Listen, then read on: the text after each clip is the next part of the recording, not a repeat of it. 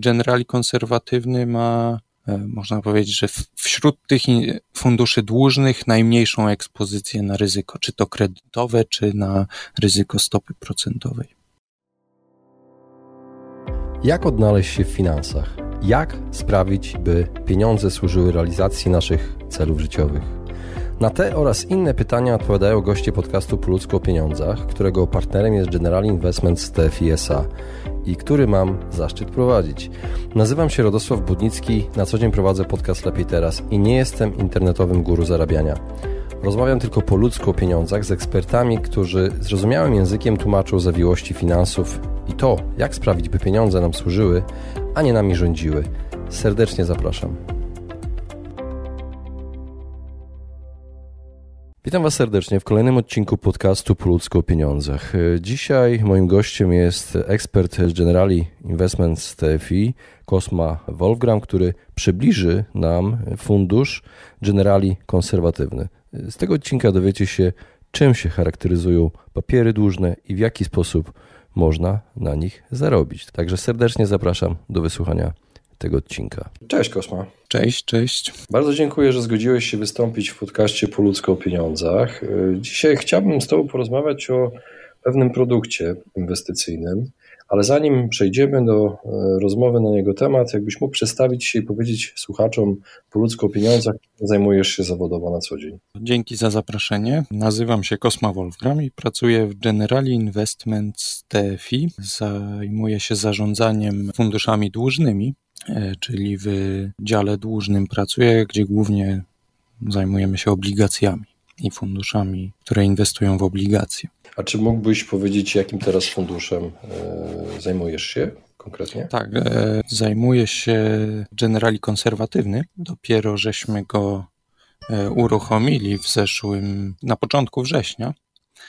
I Generali Konserwatywny to nasze nowe rozwiązanie, które ma dopełnić listę produktów oferowanych klientom żeby mieli większą możliwość dywersyfikacji portfela. A co to znaczy większą możliwość dywersyfikacji portfela, jakbyś mógł tłumaczyć? Żeby mieli większe możliwości przy wyborze odpowiednich produktów, e, odpowiednich, czyli e, z ryzykiem odpowiadającym e, ich zapotrzebowaniu.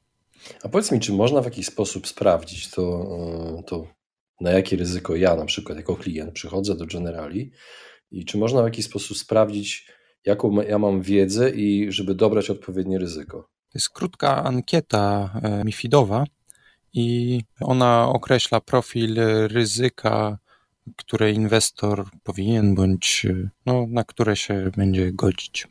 Rozumiem, że po prostu w tej ankiecie wypełnia się informacje, na jakim etapie, na jakim poziomie jest moja wiedza, i na tym podstawie taka, taka osoba doradzająca może, mo, może dobrać odpowiedni fundusz, tak? Tak, tak, dokładnie. Hmm, powiedz mi, y, to się nazywa generali konserwatywny, ten fundusz, którym się zajmujesz. E, co oznacza konserwatywny w inwestycjach? Chyba dla każdego trochę co innego będzie to oznaczać ale w przypadku naszych funduszy to najlepiej chyba relatywnie określić, e, czyli porównać na przykład do pozostałych e, funduszy, które mamy, czyli na przykład e, Generali Corona obligacje, który jest najbardziej agresywny, później Generali Corona dochodowy, Generali oszczędnościowy i na koniec Generali konserwatywny, który tego każdy z tych funduszy ma troszeczkę inną ekspozycję na ryzyko i, i generali konserwatywny ma, e, można powiedzieć, że wśród tych funduszy dłużnych najmniejszą ekspozycję na ryzyko, czy to kredytowe, czy na ryzyko stopy procentowej. Czyli to jest dla osób takich bardziej wyważonych, jeśli chodzi o inwestowanie, którzy ostrożnie podchodzą do tego, nie lubią jakichś, e, jakichś wielkich e, wahań kursowych, tak? No, można tak powiedzieć, e, z tym, że nie szufladkowałbym tak, e, e, że to jest tylko dla osób, którzy nie chcą podejmować zbyt dużego ryzyka. Wydaje mi się, że to rozwiązanie, które w pewnych momentach może odpowiadać też i bardziej ryzykownym ludziom, którzy są chętni na większe ryzyko, tylko że czasami przychodzą momenty, w których ktoś ma e, view na rynek, w którym uważa, że jednak e, to jest dobry moment, żeby przeczekać w czymś bezpieczniejszym. Mhm.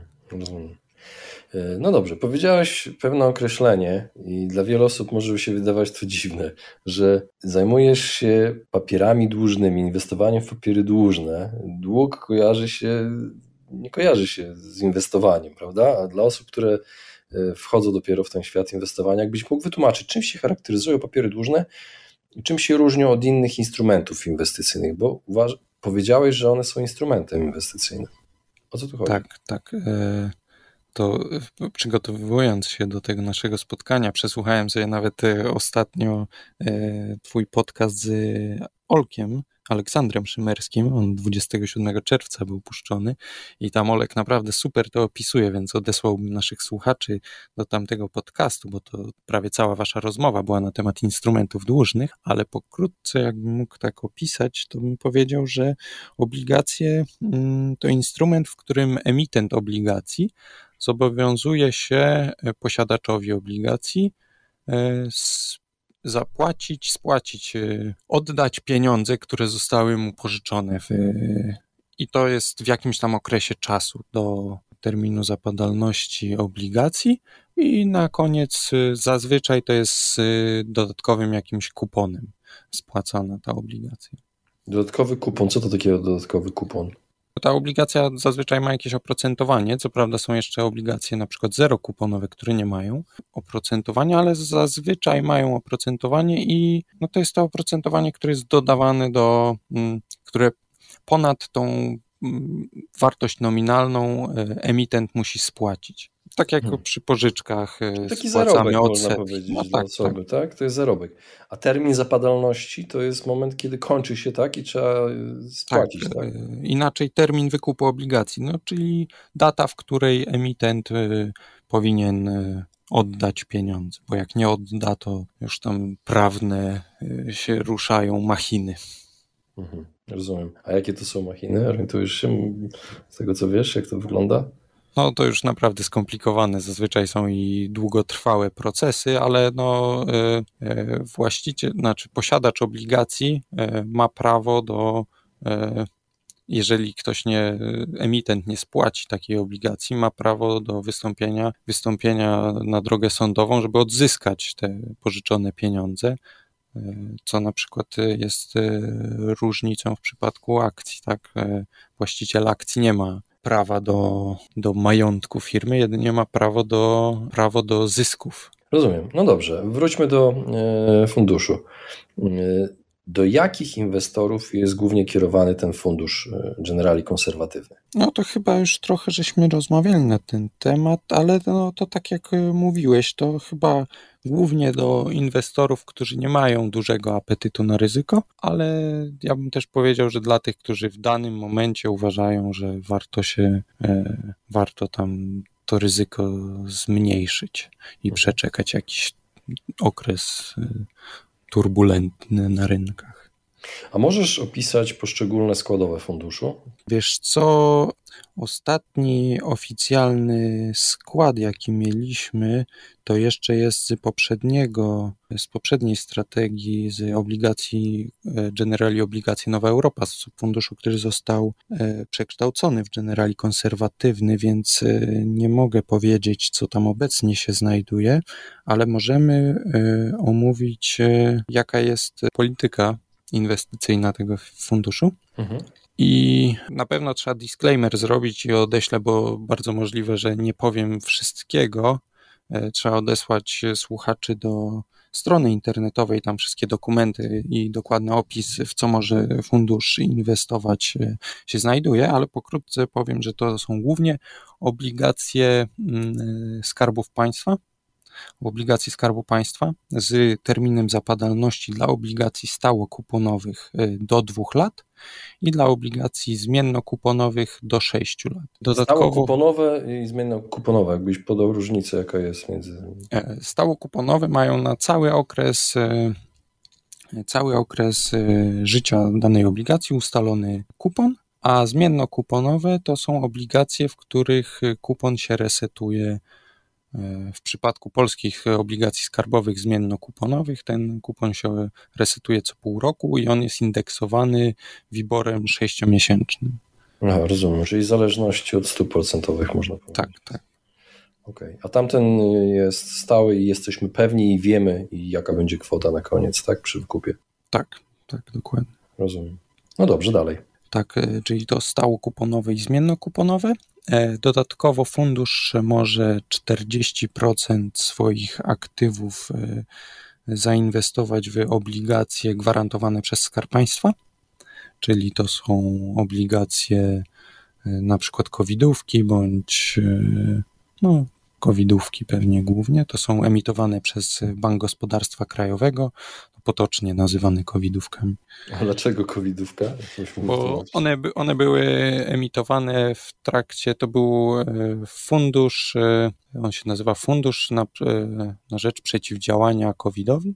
A, to były obligacje, mhm. które miały na celu finansowanie walki z COVID-em, pomocy przedsiębiorcom i to są obligacje, które są gwarantowane przez Skarb Państwa.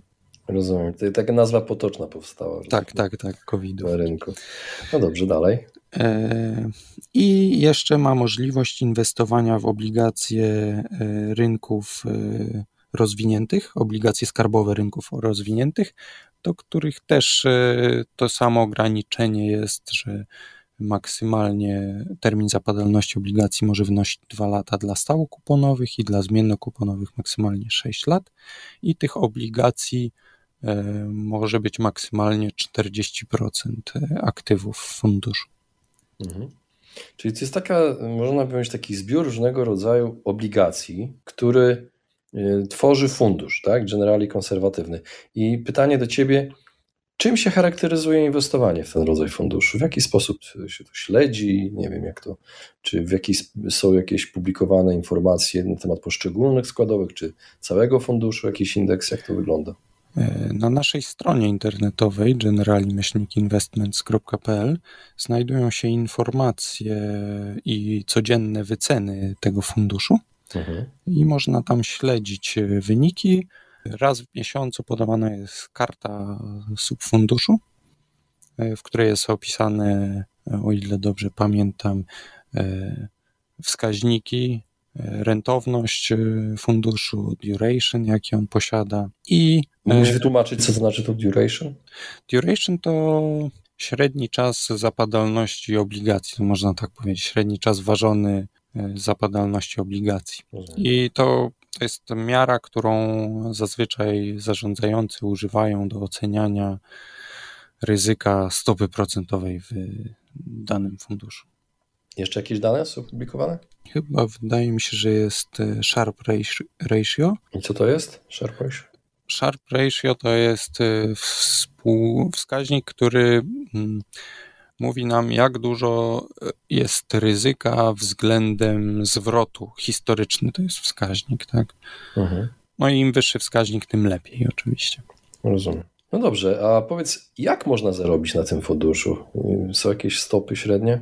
No, patrząc y, po tym, y, jakie składowe tego funduszu mogą być, to jeżeli spojrzymy na przykład na polskie obligacje zmiennokuponowe, y, które teraz mają kupon w okolicach niektóre 7,30, niektóre 6,68, w zależności od tego, E, kiedy ten kupon był ustalany, e, a dwuletnie, czyli te maksymalne, które można mieć stało kuponowe, mają powyżej 7% e, rentowności teraz, no to można, można oczekiwać, sądzę, że około 7% rentowności takiego funduszu może wynosić. Oczywiście to przy założeniu, że się nic nie będzie działo w przeciągu najbliższego roku na rynkach, ale sądzę, że to jest e, założenie, które ciężko przyjąć, bo bardzo dużo się teraz dzieje na rynkach. No właśnie, dobre, e, no, ciekawą rzecz powiedziałeś, bo chciałem Ci zadać pytanie, czy to jest odpowiedni fundusz na te czasy, teraz to, co się dzieje.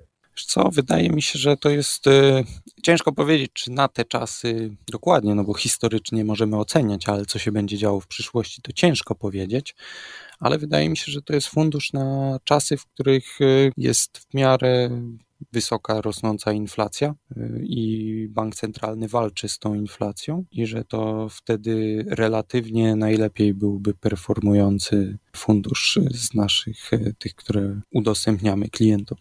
Mhm. No dobrze, czy w takim razie, jeżeli zainteresowało mnie inwestowanie w ten fundusz i wysłuchałem tego odcinka, spodobało mi się to, co mówisz, czy trzeba mieć profesjonalną wiedzę, żeby zacząć inwestować w to? Nie, nie trzeba. Towarzystwo Funduszy Inwestycyjnych, e, w ogóle fundusze inwestycyjne udostępniają, bardzo, bardzo łatwe jest inwestowanie w fundusze inwestycyjne. Wystarczy się na stronie internetowej zalogować, stworzyć konto, tam trzeba potwierdzić e, swoją tożsamość, i wykonać jeszcze tą ankietę, o której rozmawialiśmy, a później z tego co się orientuję chyba nie ma więcej kroków, ale wydaje mi się, że tak. E, I później już możemy kupować jednostki uczestnictwa funduszu. No dobrze, no w takim razie strona generali-investments.pl, tam wszelkie tak, informacje. Bardzo dobry jest e, na naszej stronie w zakładce informacje i jest tam pod zakładkę jak kupować fundusze i tam dokładnie jest opisane, no jak to zrobić łatwo i szybko. A mogę to robić z telefonu też? No spokojnie. macie, macie apkę, tak? Na...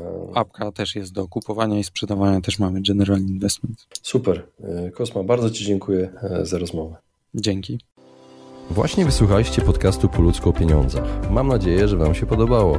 Jeśli tak, poświęćcie swój czas, proszę pozostawić swoją recenzję na Apple Podcast. Jeżeli macie pytania lub propozycje dotyczące kolejnych audycji, piszcie do mnie na fanpage'u Po ludzku o pieniądzach i do usłyszenia następnym razem. Pozdrawiam serdecznie. Informacja prawna w zakresie subfunduszy Generali Fundusze FIO oraz Generali Fundusze SFIO. Niniejszy materiał ma charakter promocyjny lub reklamowy. Generali Investments Towarzystwo Funduszy Inwestycyjnych SA działa na podstawie decyzji Komisji Papierów Wartościowych, obecnie Komisja Nadzoru Finansowego z dnia 1 czerwca 1995 roku. Numer decyzji KPW-4073-1 łamane na 95 i świadczy usługi pośrednictwa w zbywaniu i odkupywaniu jednostek uczestnictwa.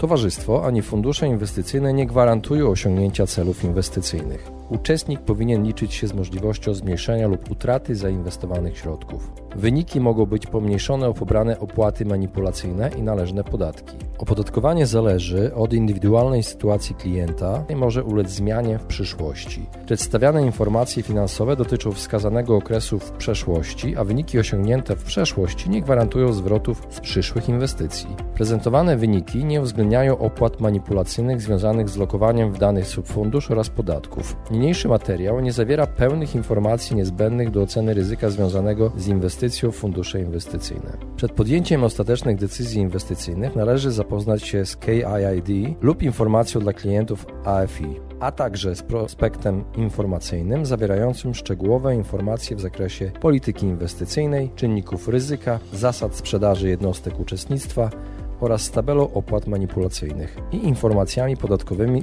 dostępnymi na stronie www.generali-investments.pl. Dokumenty są sporządzone w języku polskim. Ryzyko inwestycyjne subfunduszu opisane jest w punktach opis ryzyka inwestycyjnego związanego z polityką inwestycyjną subfunduszu z uwzględnieniem strategii zarządzania i szczególnych strategii inwestycyjnych stosowanych w odniesieniu do inwestycji na określonym obszarze geograficznym, w określonej branży lub sektorze gospodarczym, albo w odniesieniu do określonej kategorii lokat, albo w celu odzwierciedlenia indeksu i opis ryzyka inwestycyjnego związanego z uczestnictwem w subfunduszu. Informacje zamieszczone w niniejszym materiale nie stanowią usługi doradztwa inwestycyjnego, udzielania rekomendacji dotyczących instrumentów finansowych, jak również nie stanowią informacji rekomendującej lub sugerującej strategię inwestycyjną lub rekomendacji inwestycyjnej opisanych w artykule 3 ust. 1 punkt 34 i 35 rozporządzenia Parlamentu Europejskiego i Rady Unii Europejskiej nr 596 łamane na 2014 w sprawie nadużyć na rynku. Uzyskany wynik będzie się różnić w zależności od funkcjonowania rynku i okresu posiadania inwestycji.